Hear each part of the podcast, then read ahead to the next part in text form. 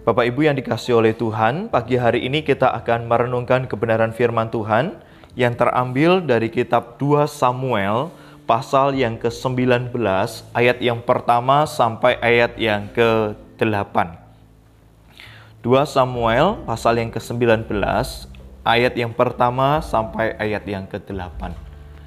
Saya akan mulai membacakannya dari 2 Samuel 18 ayat 33, kemudian lanjut 2 Samuel 19 ayat 1 sampai ayat yang ke-8.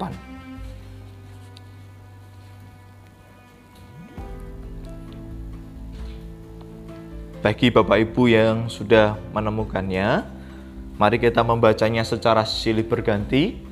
Mulai dari saya 2 Samuel 18:33, kemudian Bapak Ibu langsung nyambung di 2 Samuel 19 ayat yang pertama.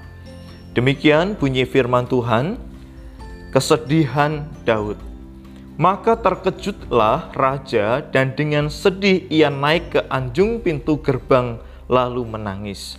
Dan beginilah perkataannya sambil berjalan. Anakku Absalom, anakku, anakku Absalom. Ah, kalau aku mati menggantikan engkau, Absalom, anakku, anakku. Lalu diberitahukanlah kepada Yoab, ketahuilah raja menangis dan berkabung karena Absalom. Pada hari itulah kemenangan menjadi perkabungan bagi seluruh tentara. Sebab pada hari itu tentara itu mendengar orang berkata, Raja bersusah hati karena anaknya. Sebab itu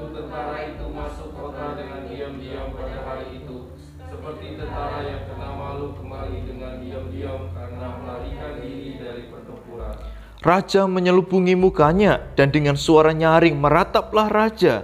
Anakku Absalom, Absalom anakku, anakku. Lalu masuklah Yoab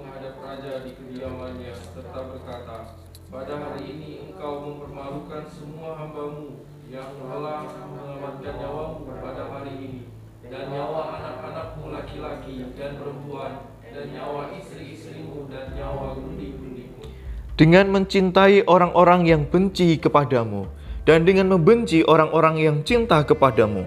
Karena pada hari ini engkau menunjukkan bahwa panglima-panglima dan anak buah tidak berarti apa-apa bagimu. Bahkan aku mengerti pada hari ini bahwa seandainya Absalom masih hidup dan kami semua mati pada hari ini, maka hal itu kau pandang baik.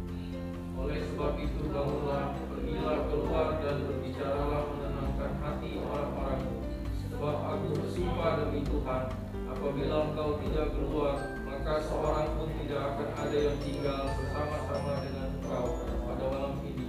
Dan hal ini berarti celaka bagimu melebihi segala celaka yang telah kau alami sejak kecilmu sampai sekarang. Lalu bangunlah raja dan duduk di pintu gerbang. Maka diberitahukanlah kepada seluruh rakyat demikian. Ketahuilah raja duduk di pintu gerbang, kemudian datanglah seluruh rakyat itu menghadap raja. Adapun orang Israel sudah melarikan diri masing-masing ke kemahnya. Sedemikian jauh pembacaan firman Tuhan pada pagi hari ini dari kitab 2 Samuel 18 ayat 33 sampai 19 ayat 1 sampai 8. Bapak Ibu yang dikasih oleh Tuhan di dalam kehidupan kita, kita tidak bisa memutuskan kalau kita tidak akan bersedih hati atau kita tidak akan berduka cita. Tentu di dalam perjalanan hidup ini, mau tidak mau sebagai manusia yang diciptakan oleh Allah dengan perasaan, kita mau tidak mau akan merasakan yang namanya gejolak emosi. Ada kadang ada kalanya kita merasakan senang atau sukacita karena sesuatu yang terjadi di dalam kehidupan kita membahagiakan. Tetapi ada kalanya kita juga akan bersedih hati atau berduka cita, kecewa, khawatir dan sebagainya. Karena di dalam kehidupan kita ada banyak hal, kemungkinan-kemungkinan yang dapat membuat kita sedih hati atau berduka cita. Tidak ada satu hal pun yang dapat membuat kita gitu ya untuk tangguh di dalam kehidupan ini tanpa ada duka cita.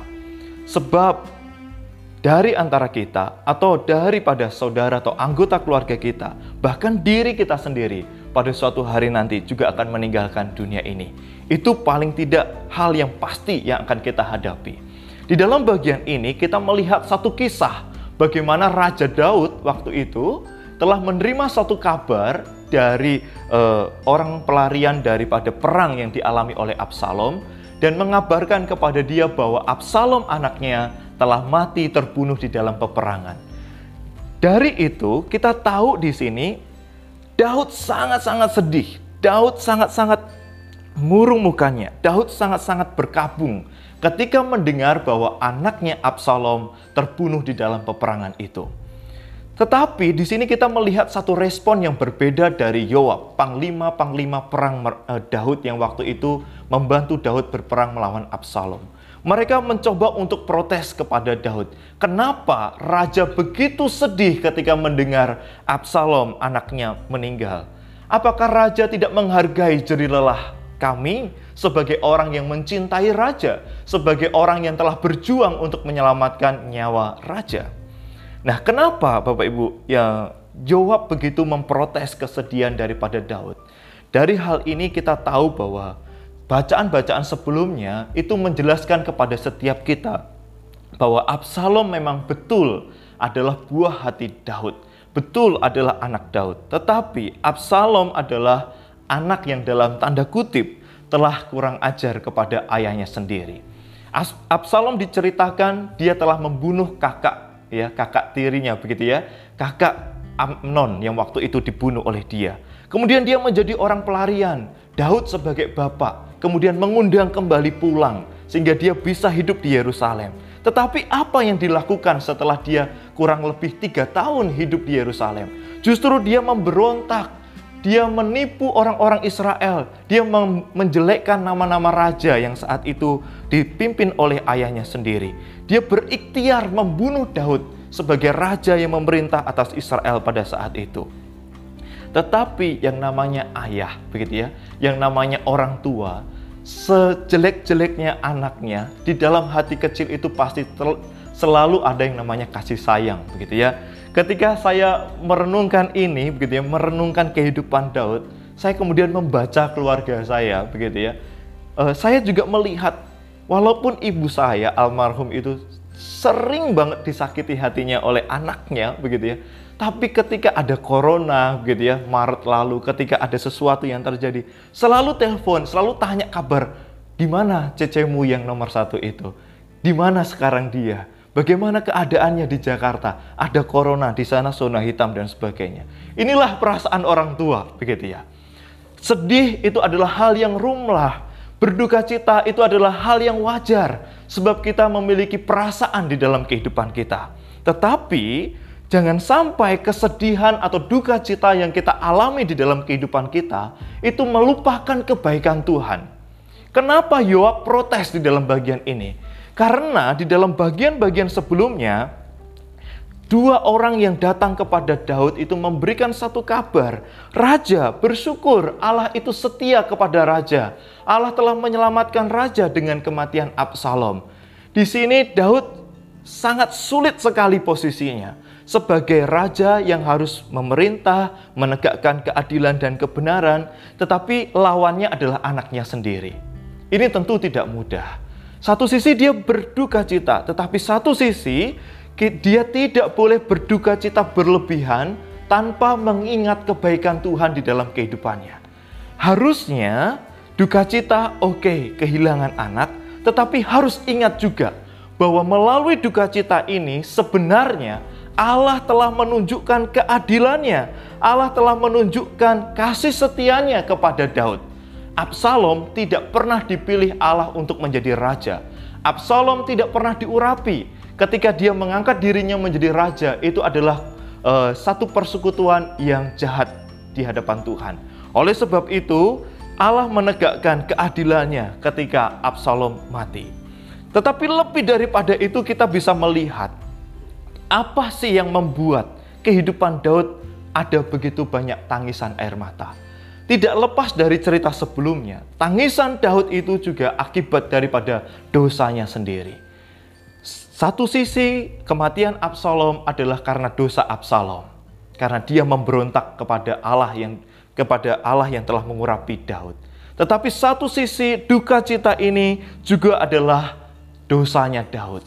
Dosa dengan siapa? Dosa tentu kepada Allah. Karena perbuatan Daud dengan Betseba dan perbuatan Daud yang telah membunuh Uria. Di 2 Samuel pasal yang ke-12 di sana diceritakan melalui Nabi Nathan Tuhan menyampaikan bahwa pedang tidak akan lepas daripada keturunanmu.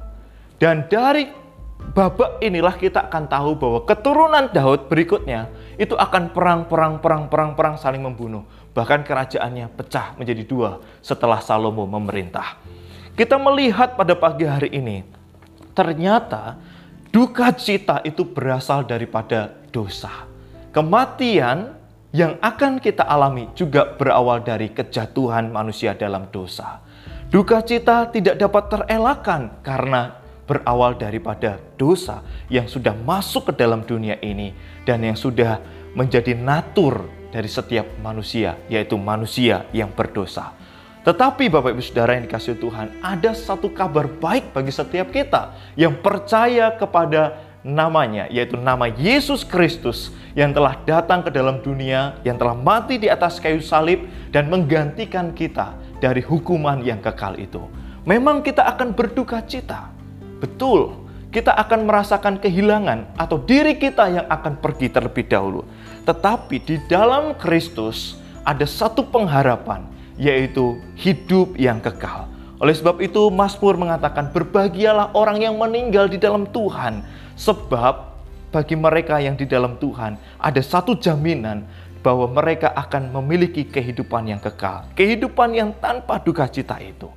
Dan yang kedua, Bapak Ibu, Duka cita bukan hanya sekedar persoalan mati atau meninggal, tapi duka cita itu juga ada satu persoalan kehidupan kita, bukan karena kematian juga, tetapi juga karena ada faktor-faktor yang lain.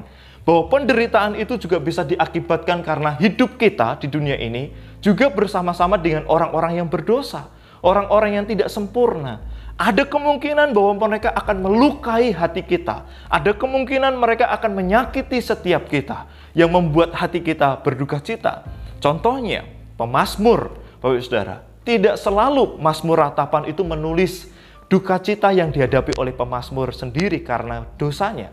Tetapi juga ada kalanya menulis karena dosa orang lain yang membuat hati kita tersakiti sehingga kita berduka cita. Tetapi dalam bagian firman Tuhan ini, poin yang kedua kita tahu bukan hanya sekedar hidup kekal yang Tuhan berikan, tetapi Allah itu adalah Allah yang kasih dan Allah yang adil di dalam kehidupan kita. Oleh sebab itu, jikalau kita merasakan perasaan tersakiti, duka cita, mari kita serahkan kepada Tuhan yang memiliki hak pembalasan itu. Dan yang ketiga, Bapak Saudara, boleh kita bersedih, tetapi mari kita tidak melupakan orang-orang yang telah berjasa bagi setiap kita. Ketika Allah menegakkan keadilan, ketika Allah menegakkan kebenaran bagi setiap kita, pasti Allah menggunakan instrumen, Allah menggunakan alat Tuhan, yaitu siapa? Orang-orang yang di sekeliling kita, orang-orang yang mengasihi kita, orang-orang yang masih membela kita, orang-orang yang masih mendukung kita, orang-orang yang masih mengasihi kita. Jangan kita melupakan mereka. Mereka adalah instrumen Allah, mereka adalah alat-alat Tuhan yang dipakai untuk mendukung kita hidup di dalam jalan kebenaran ini. Mari kita mempelajari firman ini di dalam kehidupan kita. Mari kita memohon kepada Tuhan, biarlah Tuhan memberikan kekuatan kepada kita hidup di tengah dunia yang penuh dengan penderitaan ini, dengan selalu memandang bahwa ada harapan di dalam Tuhan. Mari kita berdoa. Mari kita tutup ibadah doa pagi kita kita berdoa, kita menyerahkan seluruh perjalanan hidup kita hari ini dan segala aktivitas yang akan kita kerjakan. Bapa di dalam sorga, kami bersyukur atas firman-Mu yang Engkau nyatakan bagi kami pada pagi hari ini. Benar ya Tuhan, ada begitu banyak hal yang memungkinkan kami mengalami duka cita atau sedih hati. Tetapi kami bersyukur pada pagi hari ini, kami telah mendengar, kami telah tahu dengan akal budi kami melalui firman Tuhan bahwa di dalam Engkau, Allah yang berkuasa, Allah yang menyelamatkan, selalu ada pengharapan di dalam kehidupan ini. Oleh sebab itu Tuhan, ajarlah kami menjalani hari-hari kami dengan terus bersandar kepada Tuhan, dengan terus menyerahkan segala pergumulan, persoalan kami ke dalam tangan Tuhan. Kami percaya bahwa Allah yang kami sembah adalah Allah yang penuh kasih, Allah yang penuh adil di dalam kehidupan kami. Kami bersyukur buat cinta kasih Tuhan selama ini yang telah kami rasakan melalui setiap orang-orang yang telah Tuhan tempatkan di dalam kehidupan kami. Entah itu pasangan hidup kami, entah itu anak kami, entah itu orang tua kami, saudara kandung kami, dan lain sebagainya. Kami bersyukur atas keberadaan mereka. Izinkanlah kami Tuhan merasakan keharmonisan di dalam kehidupan ini. Dan kami boleh mengakhiri kehidupan ini dengan baik. Kami menyerahkan setiap jemaat Tuhan yang hari ini akan memulai pekerjaan mereka. Biarlah Tuhan yang senantiasa melindungi, tutup bungkus dengan darah kuasa Tuhan di mana pun jemaat-jemaat Tuhan yang berada akan beraktivitas bekerja sepanjang hari ini. Berkatilah Tuhan setiap usaha-usaha, pekerjaan-pekerjaan, setiap tetes keringat dari jemaat-jemaatmu yang terus berusaha untuk mencari rezeki pada pagi hari ini.